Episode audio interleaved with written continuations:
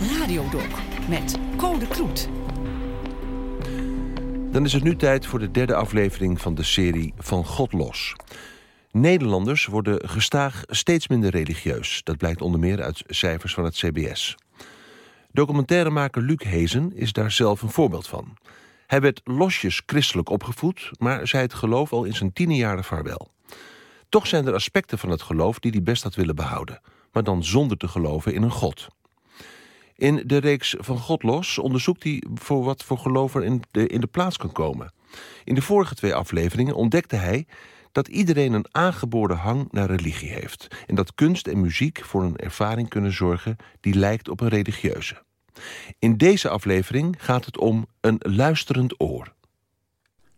Tegen wie kun je beter en eerlijker praten dan tegen een almachtige God? Iemand die je smoesjes direct doorziet, omdat hij je beter kent dan jij jezelf kent. Hij heeft je immers gemaakt. Zo heb ik tot mijn vijftiende heel wat avonden in bed gelegen, in gedachten pratend tegen die vriendelijke coach daarboven in de hemel. Niet dat er nou direct antwoord kwam op wat ik zei, maar dat hoefde eigenlijk ook niet.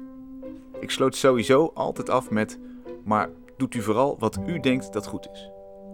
En daarmee was ik qua zingeving klaar. Er stond een God boven me en die was verantwoordelijk. Maar nu, de verbinding naar boven is verbroken, de verantwoordelijkheid ligt bij mij. Ik ben benieuwd wat daar bij andere voormalig gelovigen voor in de plaats is gekomen. Eerste stop, schrijver Franka Treur. Ze groeide op in de bevindelijk gereformeerde kerk in het Zeeuwse Meliskerken, in een streng protestantse groep die soms ook wel wordt aangeduid als de Zwarte Kousenkerk. Het werd het decor voor haar bestsellerroman Dorsvloer vol confetti, dat ook is verfilmd. Zie mijn berouw, hoor hoe een boeteling pleit en reinig mij van al mijn vuile zonden. Hoe kijk jij terug op zingeving die je ervaarde toen je nog gelovig was? Ja, wel, ik kijk daar best wel ambivalent op terug, omdat er aan de ene kant was er een soort groep waar, met eigen normen die houvast geeft en je duidelijkheid geeft in wat goed is en wat niet. En dan doe je eigenlijk alles tot eer van God en dat is dan de zin. Maar het is natuurlijk iets heel abstracts. In de kerk waarin ik opgroeide had je gewone gelovigen en ware gelovigen. En die ware gelovigen, die hadden echt religieuze ervaringen gehad, die waardoor ze een beetje opgetild werden en speciaal waren. Terwijl de gewone gelovigen, die, die hadden dat niet meegemaakt. En die, die waren eigenlijk jaloers op de ware gelovigen. En die waren eigenlijk de hele tijd bezig met tekenen die ze om zich heen zagen zodanig te interpreteren dat, ja, dat het wel eens iets van God zou kunnen zijn, zodat ze ook bij die ware gelovigen konden horen. En geldt dat voor jou ook?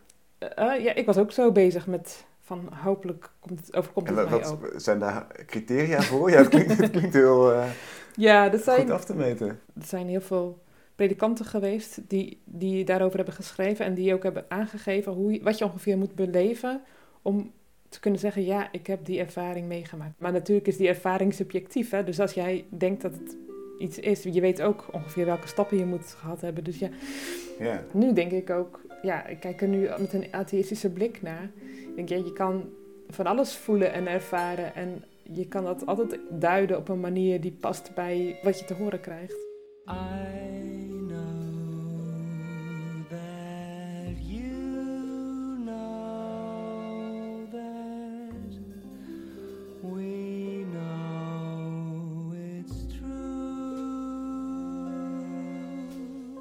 Het geval van het geloof waarin ik opgroeide, was die ervaring was de noodzakelijke voorwaarde om in de hemel te komen na je dood. En dat draait natuurlijk alles om. Het hele leven gaat om het leven hierna. En dat vind ik eigenlijk best wel kwalijk, want het leven is nu. En als je dan alleen maar bezig bent met het hiernamaals, waarin je... eh, Ja, ja, dan verspil je wat je hier nu op aarde ja, hebt, zeg maar. en dan, Ja. kan je, dan kan je wel gaan voor die religieuze ervaring, maar dan mis je wel heel veel ervaringen. eh, of of dan, dan wa- waardeer je andere ervaringen veel minder, zou ik maar zeggen. Ja. Alles op de wereld, wat er nu gebeurde, moest je, ja, dat heet dan schade en drek achten. Dat is, eh, dat is minder waardig. Ja, dus het gaat, het gaat helemaal met de religieuze taal. Dus ik, Ja. en hoe zou je dan nu zeggen dat je, dat jij zingeving ervaart? Nu atheïst zijnde.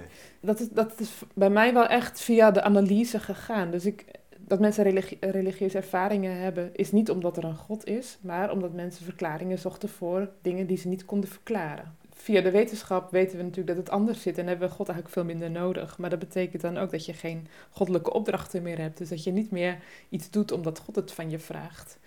En toen ik nog niet het schrijven had, vond ik het erg moeilijk om ehm, een- niet, mijn leven niet als volkomen arbitrair te zien. Hmm. Toen ik dat eigenlijk ging opschrijven voor een essay-wedstrijd van, van eh, NRC Handelsblad, door het te analyseren, door, door er gedachten over te vormen, ja, dan kan je een beetje de baas worden. Hmm. Toen werd het ook nog heel goed gelezen, want het werd gepubliceerd en het won een prijs. Ik kreeg er heel veel reactie op.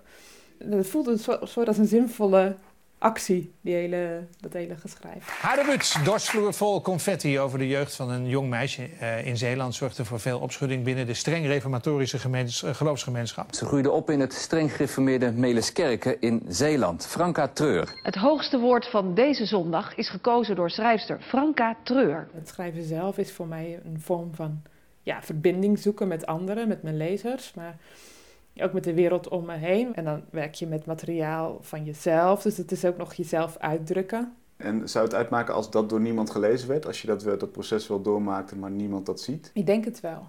Ik denk dat die lezers ook nodig zijn, omdat anders, ja, dan zoek je verbinding, maar, maar leg je hem in feite niet. Ja. Gaat het jou dan misschien ook om de erkenning? Zo van, hé, hey, dit, dit is mijn perspectief en dat wordt gezien. Dat wordt door andere mensen ervaren. Ja, ik denk dat het, eh, dat laatste van het gezien worden is ook je, je bevestigd voelen in je bestaan. Dus die, die zelfbevestiging, die, die heb ik nodig van buiten. Dus het was vroeger misschien dan God of zo. Dat, heb je dan, dat, dat haal je dan nu bij andere mensen. En dat gaat dan nog om contact met mensen. Zoek jij, ook, zoek jij nog iets in een systeem wat, wat, wat hoger is dan de wereld, om het zo maar te zeggen? Nee, want dan, dan ga je ervan uit dat, er, dat, er, ehm, dat de zin daar ligt, los van wat het hier op aarde is. En ik wil dat eigenlijk niet meer. Ik wil het juist hier op aarde zoeken, want het hier, hier moet het gebeuren.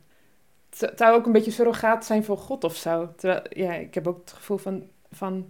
Ik hoef ook nooit nepvlees, weet je. Je kan tegenwoordig vales kopen, maar dat is ook niet het echte vlees. En ik denk van, dan eet ik wel groenten. Zo had ik het nog niet bekeken. Kan het kloppen dat mijn zoektocht naar een vervanging voor God alleen maar een soort smakeloze vleesvervanger gaat opleveren? Een halfslachtig compromis, omdat ik blijkbaar niet de gevolgen wil accepteren van het verlaten van zo'n geloof? Zoals iemand die te lang in bad blijft zitten, terwijl het water om hem heen al lang is afgekoeld?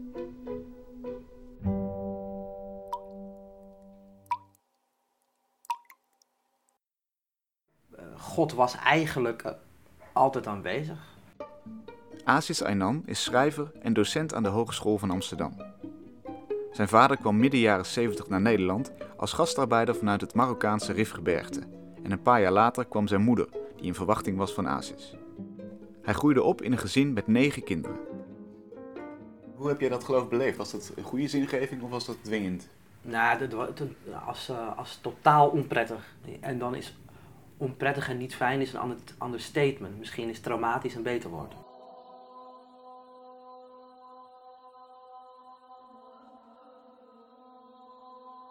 Het had altijd te maken met de dood.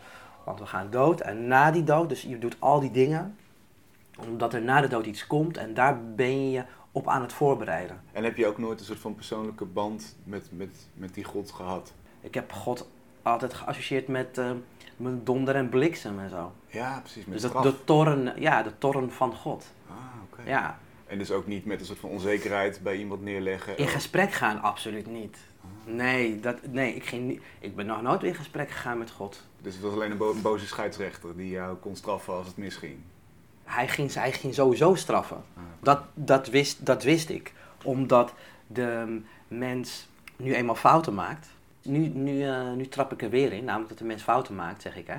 Terwijl dat helemaal geen fouten zijn. In de Ramadan eten overdag is geen fout. Maar dus ik, ben nog steeds, ik ben nu 37 en ik ben nog altijd zo ge- geconditioneerd. Daarom kan ik niets anders zeggen dat het, dat het een soort van eh, spel van regels was. Ja. Als je de moskee inloopt, moet je met je rechterbeen binnenstappen. Dat is een, ehm, een, een regel, volksregel, een religieuze volksregel.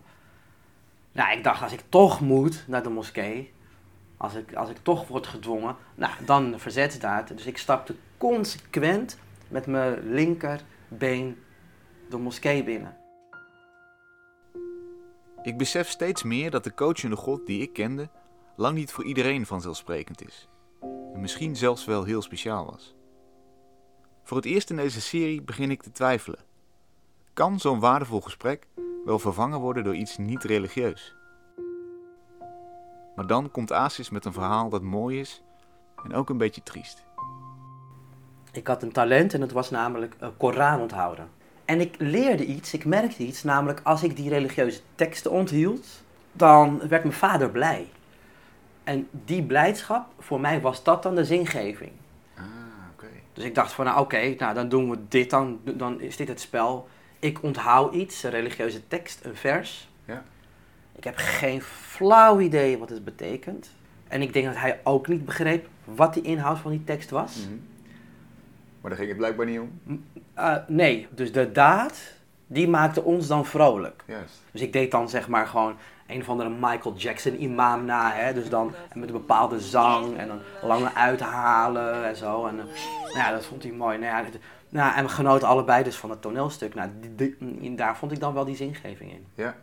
Dus niet het hogere, maar juist de, de Juist sociale band. tussen, tussen, ja, dus de intermenselijke, intermenselijkheid. Kijk, die, die termen worden zo vaak gebruikt. Dus dat je dan dat de hogere en, en dat, dat, dat het jezelf optillen. Kijk, daar heb ik allemaal geen boodschap aan, joh. Ik, eh, ik, eh, loop, lekker, eh, loop, ik loop, loop lekker op de straat en mijn mijn voeten raken de grond. En dat vind ik al heel bijzonder. Dat is dat hoog ik, genoeg. dat ik hier ben op deze wereld. En ja, laat, ja, ik wil vooral hier blijven. Niet, niet dat, dat, dat hogere is zo vaag, joh.